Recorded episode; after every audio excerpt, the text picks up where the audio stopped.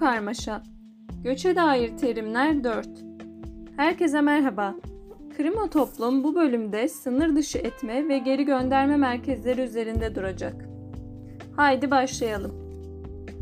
Önceki göç bölümlerimizde uluslararası koruma statüsü, geçici koruma, sınır dışı etme, idari gözetim gibi kavramların üzerinde durmuştuk. Şimdi sınır dışı etme ve idari gözetime detaylı olarak bakacağız. Sınır dışı etme genel olarak her devlet menfaatleriyle bağdaşmayacak harekette bulunan yabancıları aslında ülkesinde bulundurmama hakkına sahiptir.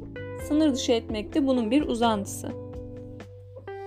Bizim anayasamıza göre Türkiye Cumhuriyeti Anayasası'nın 23. maddesinin son fıkrasına göre vatandaşın sınır dışı edilmesi yasak. Vatandaş sınır dışı edilemiyor.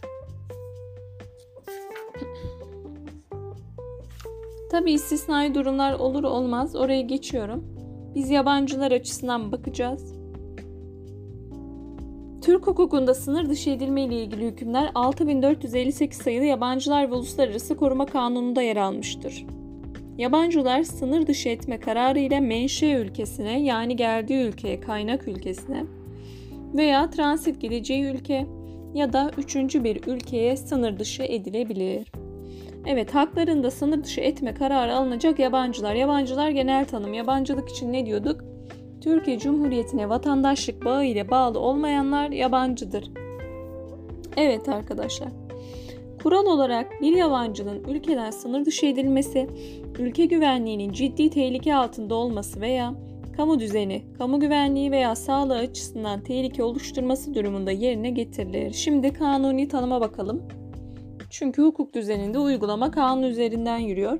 Sınır dışı etme sebeplerini düzenleyen Yabancılar ve Uluslararası Koruma Kanunu'nun 54. maddesi uyarınca. Haydi bakalım. Hangi niteliklere sahip ya da ne yapmış yabancılar sınır dışı edilir? 5237 sayılı Türk Ceza Kanunu'nun 59. maddesi gereği işlediği suç nedeniyle hapis cezasına mahkum edilen ve cezasının infazı tamamlandıktan sonra İçişleri Bakanlığı'nca sınır dışı edilmesi gerektiği değerlendirilenler. TCK'nın 59. maddesi ne der? Kişi ya koşullu salı verilmeden yararlandı ya da infazı bitti, cezasının infazı tamamlandı. Sınır dışı işlemi için Durum İçişleri Bakanlığı bildiriliyor aslında olay bu. Terör örgütü yöneticisi, üyesi, destekleyicisi veya çıkar amaçlı suç örgütü yöneticisi, üyesi veya destekleyicisi olanlar sınır dışı edilebiliyor. Türkiye'ye giriş, vize ve ikamet izinleri için yapılan işlemlerde gerçek dışı bilgi ve sahte belge kullananlar. Türkiye'de bulunduğu süre zarfında geçimini meşru olmayan yollardan sağlayanlar. Kamu düzeni, kamu güvenliği ya da sağlığı açısından tehdit oluşturanlar. Vize süresini veya vize muafiyet süresini 10 günden fazla aşanlar veya vizesi iptal edilenler, ikamet izinleri iptal edilenler, ikamet izni bulunup da süresi sona ermesinden itibaren kabul edilebilir gerekçesi olmadan ikamet izni süresini 10 günden fazla ihlal edenler, çalışma izni olmadan çalıştığı tespit edilenler, Türkiye'ye yasal giriş veya Türkiye'den yasal çıkış hükümlerini ihlal edenler, hakkında Türkiye'ye giriş yasağı bulunmasına rağmen Türkiye'ye geldiği tespit edilenler.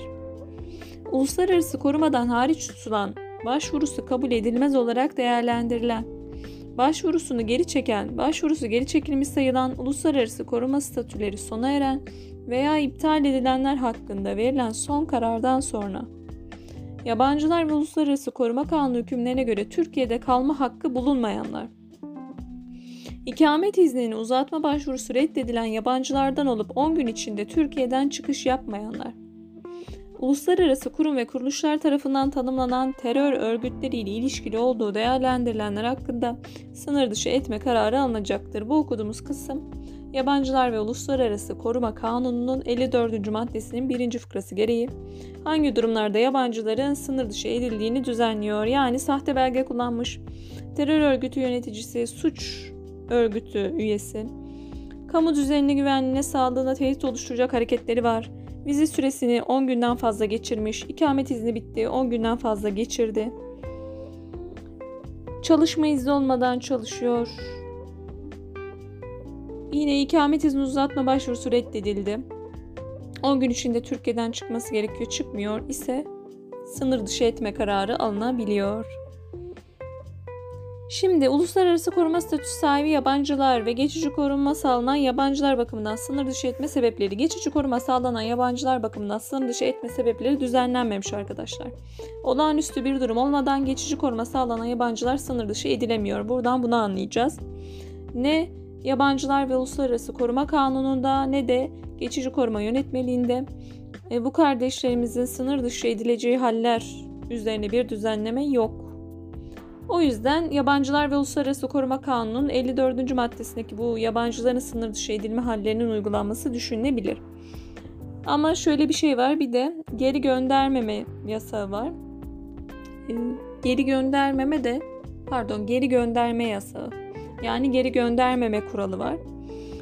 Ee, bu durumda şunu ifade ediyor. Zaten bu geçici koruma sağlanan kişiler savaş durumunda ya da ırki, dini nedenlerle ayrımcılığa maruz kalacağından, zulme maruz kalacağından korkarak geldiği için bu savaş, şiddet, kaos ortamına bu kişileri geri göndermemek için geri gönderme yasağı var. Yani kural olarak geri göndermiyoruz bu kişileri.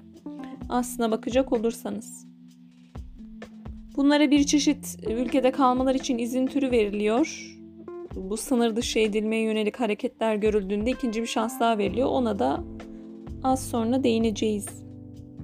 Şimdi uluslararası koruma statüsü sahibi yabancılar bakımından sınır dışı. Bu da yabancılar ve uluslararası koruma kanunumuzun 54. maddesinin ikinci fıkrasında düzenlenir. Şimdi hatırlayalım, geriye dönelim. Önceki bölümlerimizde bahsetmiştik. Uluslararası koruma statüsü sahibi yabancı kim? Uluslararası koruma statüsü ana başlığımız, alt başlıklar mülteci, şartlı mülteci ve ikincil koruma statüsü. İkincil koruma statüsü için demiştik yani daha önceki yıllardan gelen işte Iraklı, İranlı, Afgan kardeşlerimize ikincil koruma statüsü verilebiliyor. Mülteci statüsü Avrupa Konseyi'ne üye Türkiye dışındaki 46 ülkeden gelen kişiler için veriliyor. İşte ırkı, dini ve benzeri nedenlerle ayrımcılığa maruz kalacağı haklı korkusuyla gelenler. Türk soylu olanlar e, ya da Avrupa Konseyi üyesi ülkelerden gelenler için mülteci statüsü verilebiliyor. Şartlı mülteci ise Türkiye'ye geliyor ama e, güvenli bir üçüncü ülkeye gönderilmek üzere şartlı mülteci statüsü veriliyor kendisine. İkinci koruma ise ayrı daha çok ülkemize önceden gelen şu şimdiki göç dalgasını katmıyorum. Önceden gelen işte Afgan bireylerdir, Iraklı, İranlı bireylere daha ziyade ikinci koruma statüsü veriliyordu. Şimdi uluslararası koruma statüsünden yine bir böyle bir bahsettik. Ee, yani uluslararası koruma statüsü içinde ikincil korumayı daha önceden gelen Afgan kardeşlerimiz için düşünebilirsiniz. Geçici koruma bundan apayrı bir konu.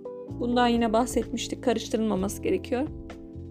Uluslararası koruma statüsü sahibi yabancılar bakımından sınır dışı.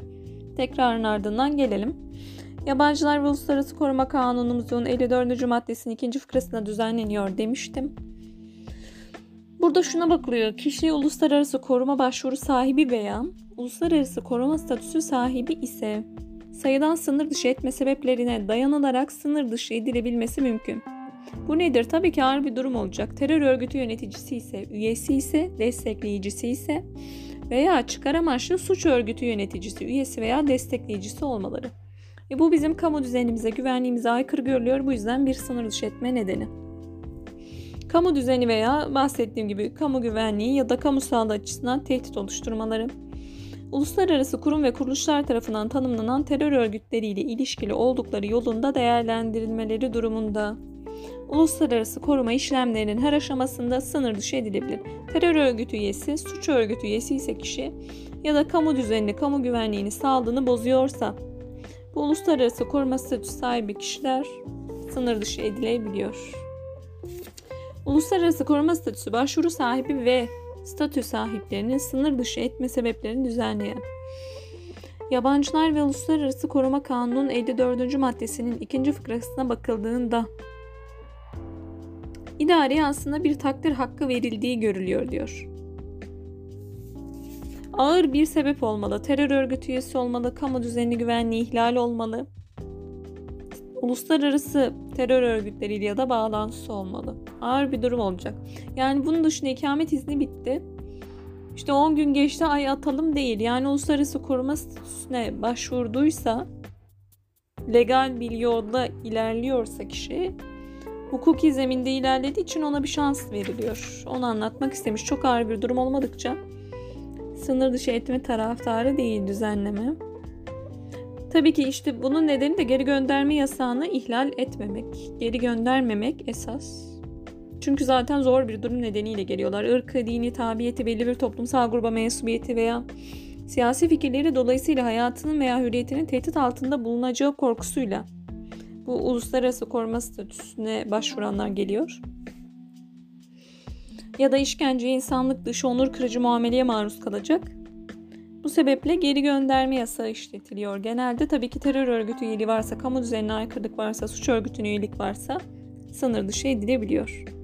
Geçici koruma sağlanan yabancılar. Bu büyük karmaşayı da çözdüğümüzü düşünüyorum kendi çapımızda. Geçici koruma sağlanan yabancılar, Suriyeli kardeşlerimizdir. Onlara geçici koruma statüsü veriliyor. Yabancılar ve Uluslararası Koruma Kanunu ve geçici koruma yönetmeliğine tabiler. Dediğim gibi geçici koruma sağlanan yabancılar bakımından sınır dışı edilme ile ilgili bir düzenleme yok. Bu yüzden hop açıyoruz. Yabancılar ve Uluslararası Koruma Kanunu'nun yabancılarla ilgili sınır dışı etme hallerini düzenleyen 54. maddesine. Oraya bir bakmamız gerekiyor. Efendim. Şöyle bir bakalım. Bir yandan atladığım bir şey var mı yok mu diye notlarıma ve önümdeki kitaba da bakıyorum. Sınır dışı etme kararına karşı diyelim itiraz edeceksiniz. Araya bunu da eklemiş olayım. Nereye? İdare mahkemesine başvuruyoruz. Bunu da belirtelim. Çünkü sınır dışı etme kararı valiliklerce verilen idari bir karar. Valiliklerce verilen bu idari karara karşı da tabii ki idare mahkemesine başvurabiliyorsunuz. Haklarında sınır dışı etme kararı alınamayacak yabancılar. Yabancılar ve Uluslararası Koruma Kanunu sınır dışı etme kararının verilmesini gerektirecek sebeplerin varlığı halinde bazı yabancıların sınır dışı edilemeyeceğini düzenler. İşte bahsettiğim durum bu. Geri gönderme yasağının işletileceği durumlar var. Çünkü zaten savaş, işte zulme uğrayacağı korkusu, ırk dini ayrıma tabi tutulacağı korkusuyla gelenler var. Kişiyi geri gönderirsek o ülkede diyelim ölüm cezasına çarptırılacak, işkenceye maruz kalacak ya da o ülkede bir terör örgütüne katılması istenecek, katılmayınca öldürülecek gibi durumlar olabilir. Bu yüzden bu kişileri sınır dışı etmeyip bunlara insani ikamet izni dediğimiz, hani az sonra anlatacağım dediğim bir izin verilebiliyor. İnsani nedenlerle bu kişiye ikamet izni verilebiliyor yani insani ikamet izni. Arkadaşlar. Çünkü gidecekleri yer daha kötü. Belki öldürülecekler. Ee, uluslararası düzenlemelere göre tabii ki yaşam hakkı öncelikli. Bu yüzden bu kişilere insani ikamet izni verilebiliyor. Yabancılar ve Uluslararası Koruma Kanunu Uygulama Yönetmeliğinin 52. maddesinde sayılan yabancılar hakkında da sınır dışı etme kararı alınamayacağı düzenleniyor. Hem Yabancılar ve Uluslararası Koruma Kanunumuzun 55. maddesinin 1. fıkrasında hem de Yabancılar ve Uluslararası Koruma Kanunu Uygulama Yönetmeliğinin 52. maddesinde sınır dışı etme kararı alınamayacak. Kardeşlerimiz düzenlenmiş. Hemen bir buraya da gireyim. Haklarında sınır dışı etme kararı alınamayacaklar. 1. Sınır dışı edileceği ülkede ölüm cezasına, işkenceye, insanlık dışı ya da onur kırıcı ceza veya muameleye maruz kalacağı konusunda ciddi emare bulunan yabancılar dediğim gibi sınır dışı edilemiyor. Tabi şu duruma bakılabilir. Üçüncü bir ülkeyi sınır dışı edelim mi? Ama şuna da bakılıyor burada. Bu üçüncü ülkeyi göndereceğim. Ama bu üçüncü ülke gidip de yabancı kendi ülkesine gönderirse o da sıkıntı. İşte bu yüzden insani ikamet izni veriliyor. Ciddi sağlık sorunları varsa, sınır dışı edilmesi düşünülen kişi ciddi sağlık sorunları yaşıyorsa, yaş ve hamilelik durumu varsa, seyahat etmesi riskli ise bu kişi de sınır dışı edilmeyebiliyor. Hayati tehlike arz eden hastalıklar için tedavisi devam ederken sınır dışı edilmiyor. Sınır dışı edileceği ülkede tedavi imkanı da yoksa sınır dışı edilmeyip insani ikamet izni. Yani ciddi sağlık sorunu, gideceği ülkede ölüm cezası, işkence,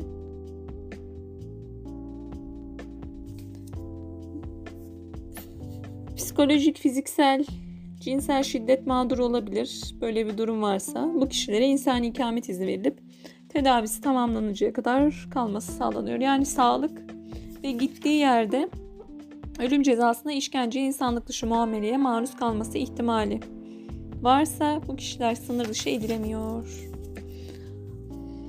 Yabancılar ve Uluslararası Koruma Kanunu uygulama yönetmeliğinin 52. maddesine sayılan sınır dışı etme kararı alınamayacak halleri de haydi bakalım. Buna göre vize, vize muafiyeti ve ikamet iznine ilişkin yükümlülüklerini ihlal eden yabancılardan belirli bir süre içerisinde Türkiye'den çıkış yapmak üzere kendiliğinden gönüllü olarak sınır kapılarına gelen yabancı. Vizesi doldu, süresi bitti ama kendiliğinden ya tamam benim vizemin süresi doldu, ben sınır kapısına geldim, kendim gideyim diyorsa zaten artık bu kişiye sınır dışı etme kararı almayız.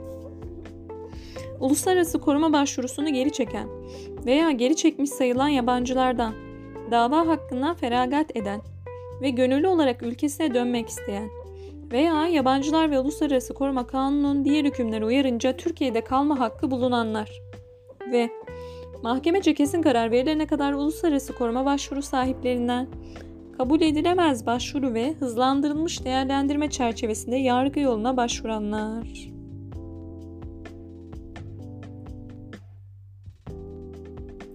Burada şu var, zaten bu kişi hukuki bir zeminde. Ya kendisi diyor ben ülkeme geri döneceğim. İşte uluslararası koruma başvurumu çektim. Vize sürem doldu.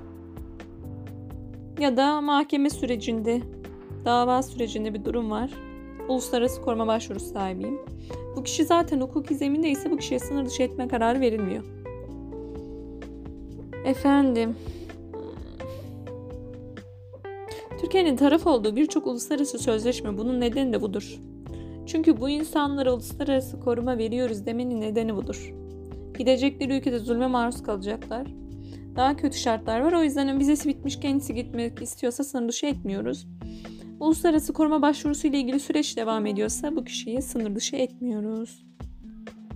Bu da yabancılar ve uluslararası kanunu uygulama yönetmeliğinin 52. maddesine sayılan sınır dışı etme kararı alınamayacağı haller. Sınır dışı etme kararının alınamayacağı haller düzgün söylersek. Şimdi yargı yolu dediğim gibi idare mahkemesine başvurulabiliyor. Sınır dışı etme kararına karşı 15 günlük dava açma süresi idare mahkemesi. Güç İdaresi Genel Müdürü şimdi şöyle olur. Sınır dışı edilecek durum var. Ya kolluk yakalar. Kolluk göç idaresine bildirir. Göç idaresinden valiliğe olabilir. Ya da kolluk valiliğe bildirim yapar. Valilikte 48 saat içinde durumu değerlendirir. Hani terör örgütü nedir, suç örgütüdür. Kolluk valiliğe bildirirse valilikte 48 saat içinde durumu değerlendirecek ve bu kişilerin sınır dışı edilip edilmeyeceğine dair kararı verecektir. Yabancılar ve Uluslararası Koruma Kanunumuzun 57. maddesinin birinci fıkrası gereğince kolluk yakaladı diyelim valiliğe valilikte sınır dışı edilip edilmemesi ile ilgili 48 saat içinde karar veriyor. Tabii ki arkadaşlar burada geri göndermeme esas ama bu kişi terör örgütünün üye bizim burada kamu güvenliğimizi bozacaksa da kolluk yakaladı valiliğe valilikte 48 saat içinde karar veriyor. Hı. Şimdi burada şu önemli. Çok ağır bir durum varsa terör örgütü üyeliği, uluslararası terör işbirlikçileriyle işte ortak olma şu bu durumları varsa doğrudan sınır dışı edilebilir. Veya daha iyi halli bir durum var gitmesi için işte sahte belge olur, vize süresi dolmuştur, şu bu daha uluslararası koruma statüsüne de başvurmamıştır. Yani bizim gözümüzde yabancı statüsündedir belirtilen süre içerisinde Türkiye'yi terke davet edilebilir veya üçüncü durum idari gözetime tabi tutulabilir. Yani burada üç durum var. Sınır dışı etme kararında ya şunu belirteceğiz. Doğrudan sınır dışı. Çok tehlikelisin git diyor. Ya ikinci durum belirtilen süre içerisinde Türkiye'yi terke davet ediliyor. Ya sen tehlikeli değilsin ama işte sahte belgeyle girmişsin. Ya da süreni geçirmişsin, ikamet izninin süresi dolmuş, vizenin süresi dolmuş, seni terke davet ediyorum diyor. Üçüncü durumda idari gözetim, ona da değineceğiz. Yani herkesi doğrudan sınır dışı etmiyoruz. Ya doğrudan sınır dışı ya terke davet belirtilen sürede sen kendin git diyoruz ya da idari gözetim.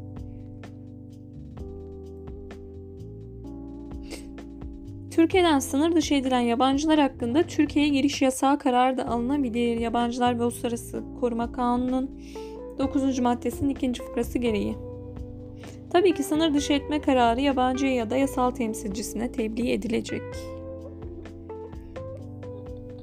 Efendim, şimdi sınır dışı etme kararına karşı yabancı veya avukatı ya da yasal temsilcisi kararın tebliğinden itibaren 15 gün içinde idare mahkemesine itiraz edebilir. İdare mahkemesi de bu başvuruyu 15 gün içerisinde karara bağlar. Açıkçası benim en sevdiğim mahkeme. Neden derseniz sizi uğraştırmıyor. Dosyanızı dava açarken başta düzgün hazırlıyorsunuz, her evranınızı veriyorsunuz ve idare mahkemesi de reysen araştırma ilkesi orada geçerli. Duruşma da yok siz talep etmedikçe. E, güzelce araştırmasını yapıyor ve buna göre kararını veriyor. Yani benim için en ideal yargı e, aşaması diyeyim idare mahkemesi. En sevdiğim mahkeme türü. 15 gün içinde de karara bağlıyor. Burada ilginç bir durum. Bu 15 günde karara bağlanması çünkü yabancının durumu sıkıntılı. Menfaati gereği çabuk çözmek için 15 günde mahkeme sonuçlandırıyor. Mahkemenin bu sınır dışı edilme kararına itiraz durumunda vereceği karar da kesin. Yani artık istinafa temize de götüremiyorsunuz. Hemen bu işi bir çözüme bağlıyor idare mahkemesi. Şimdi şöyle bir durum var. Bir ikilem. Bir, idare mahkemesine sınır dışı etme kararına karşı 15 günde itiraz ettiniz. Sınır dışı etme işlemi kural olarak dava sonuçlanana kadar yerine getirilmeyecek. Ama ikinci durum. Belirtilen sınır dışı sebepleri varsa 3 sebep sayacağız. Burada cart kişi çok tehlikeli diye sınır dışı edilebiliyor. Yani sınır dışı etme işlemini dava durdurmayabiliyor. Hemen bakalım. Sınır dışı işleminin durmayacağı öngörülen kişiler. Yani dediğim gibi işte bazı kişileri doğrudan sınır dışı ediyoruz. Bazılarına süre veriyoruz, terke davet ediyoruz. Bazılarına da idari gözetim kararı veriyoruz. Çok tehlikeliyse, orta derece tehlikeliyse, az tehlikeliyse diye ben kendim böyle bir sınırlandırıyorum. Sınıflandırıyorum pardon. Çok tehlikeliyse doğrudan sınır dışı, ortaysa idari gözetim, az tehlikeli bir tip gibi görülüyorsa da Türkiye'yi terke davet diye kendimce sınıfladım. Akılda kalıcı olması adına. Şimdi sınır dışı işleminin durmayacağı öngörülen kişiler yabancılar ve uluslararası koruma kanunun 53. maddesinin 3. fıkrasına göre bu kişiler çok tehlikeli. Niye? 1. Terör örgütü yöneticisi, üyesi destekleyicisi veya çıkar amaçlı suç örgütü yöneticisi, üyesi veya destekleyicisi. 2. Kamu düzeni veya kamu güvenliği ya da kamu sağlığı açısından tehdit oluşturuyor. 3. Uluslararası kurum ve kuruluşlar tarafından tanımlanan terör örgütleriyle ilişkili eğer uluslararası kurum ve kuruluşlar tarafından tanımlanan terör örgütleriyle ilişkiliyse uluslararası koruma statüsüne başvursa bile, statü sahibi olsa bile bu kişi hemen sınır dışı ediliyor. İdari yargıya başvurmamızda sınır dışı etme işlemini durdurmaz. Terör örgütü kamu düzenine aykırılık diyoruz. Terör örgütü üyeliği, yöneticiliği. Efendim, efendim. Geri gönderme yasağını ihlal etmeme durumunu demiştim. Yabancılar ve Uluslararası Koruma Kanunumuzun dördüncü maddesinde de geçer. Yabancı gideceği yerde işkenceye, insanlık dışı muameleye, onur kırıcı muameleye maruz kalacaksa, ırkı, dini, tabiyeti, belli bir toplumsal gruba mensubiyeti veya siyasi fikirleri dolayısıyla hayatının veya hürriyetinin tehdit altında bulunacağı bir yere gönderilecekse burada geri gönderme yasağı işler, geri göndermeyeceğiz zulüm korkusu içinde olduğu ülkeye sınır dışı edilme ihtimali bulunan bir üçüncü ülkeye de kişi yollanamayacak. Yani dediğim gibi ikamet izninin süresi dolmuştur. 10 gün sonra tamamlaması gerekiyordur. Vize süresi dolmuştur. 10 gün geçmiştir tamamlamamıştır. Bu gibi durumlar yine maruz bu gibi durumlar yine şöyle anlatayım. Mazur görülebiliyor. Çünkü gideceği ülkede durum daha kötüyse, zulme maruz kalacaksa bu kişiye insani ikamet verilebiliyor. Ama terör örgütü üyeliği varsa, kamu düzenine aykırılık varsa, uluslararası artık kurumlarında tanıdığı bir terör örgütüyle ilişkiliyse doğrudan sınır dışı. Şimdi daha orta çaplı olanlara geçelim. Orta ve hafif dediğim. Sınır dışı etmek üzere Türkiye'yi terke davet. Burada kibarca git diyoruz. Yabancılar ve Uluslararası Koruma Kanunu uyarınca. Hakkında sınır dışı etme kararı alınan bazı yabancılar doğrudan sınır dışı edilmiyor. Bu yabancılara Türkiye'yi terk edebilmeleri için en az 15 gün olmak üzere 30 güne kadar süre tanımlanabiliyor. Terke davet kararı ve terk süresi sınır dışı etme kararında belirtiliyor. Kanun ve yönetmelik Türkiye'yi terk etmesi için süre tanınamayacak yabancılar. Dediğim gibi terör örgütü yöneticisi ise biz buna süre tanımıyoruz. Doğrudan terk et. Git. Doğrudan git diyorsun terör örgütü yöneticisi ise. Terke davet edilmiyor. Kamu düzeni, kamu güvenliği, kamu sağlığı açısından tehdit oluşturuyorsa terke davet etmeyiz. Kaçma kaybolma riski varsa, yasal giriş veya çıkış kurallarını ihlal ediyorsa, sahte belge kullanıyorsa, asılsız belgelerle ikamet izni almaya çalışıyorsa ya da aldıysa Türkiye'yi terk davet kararı alınamaz.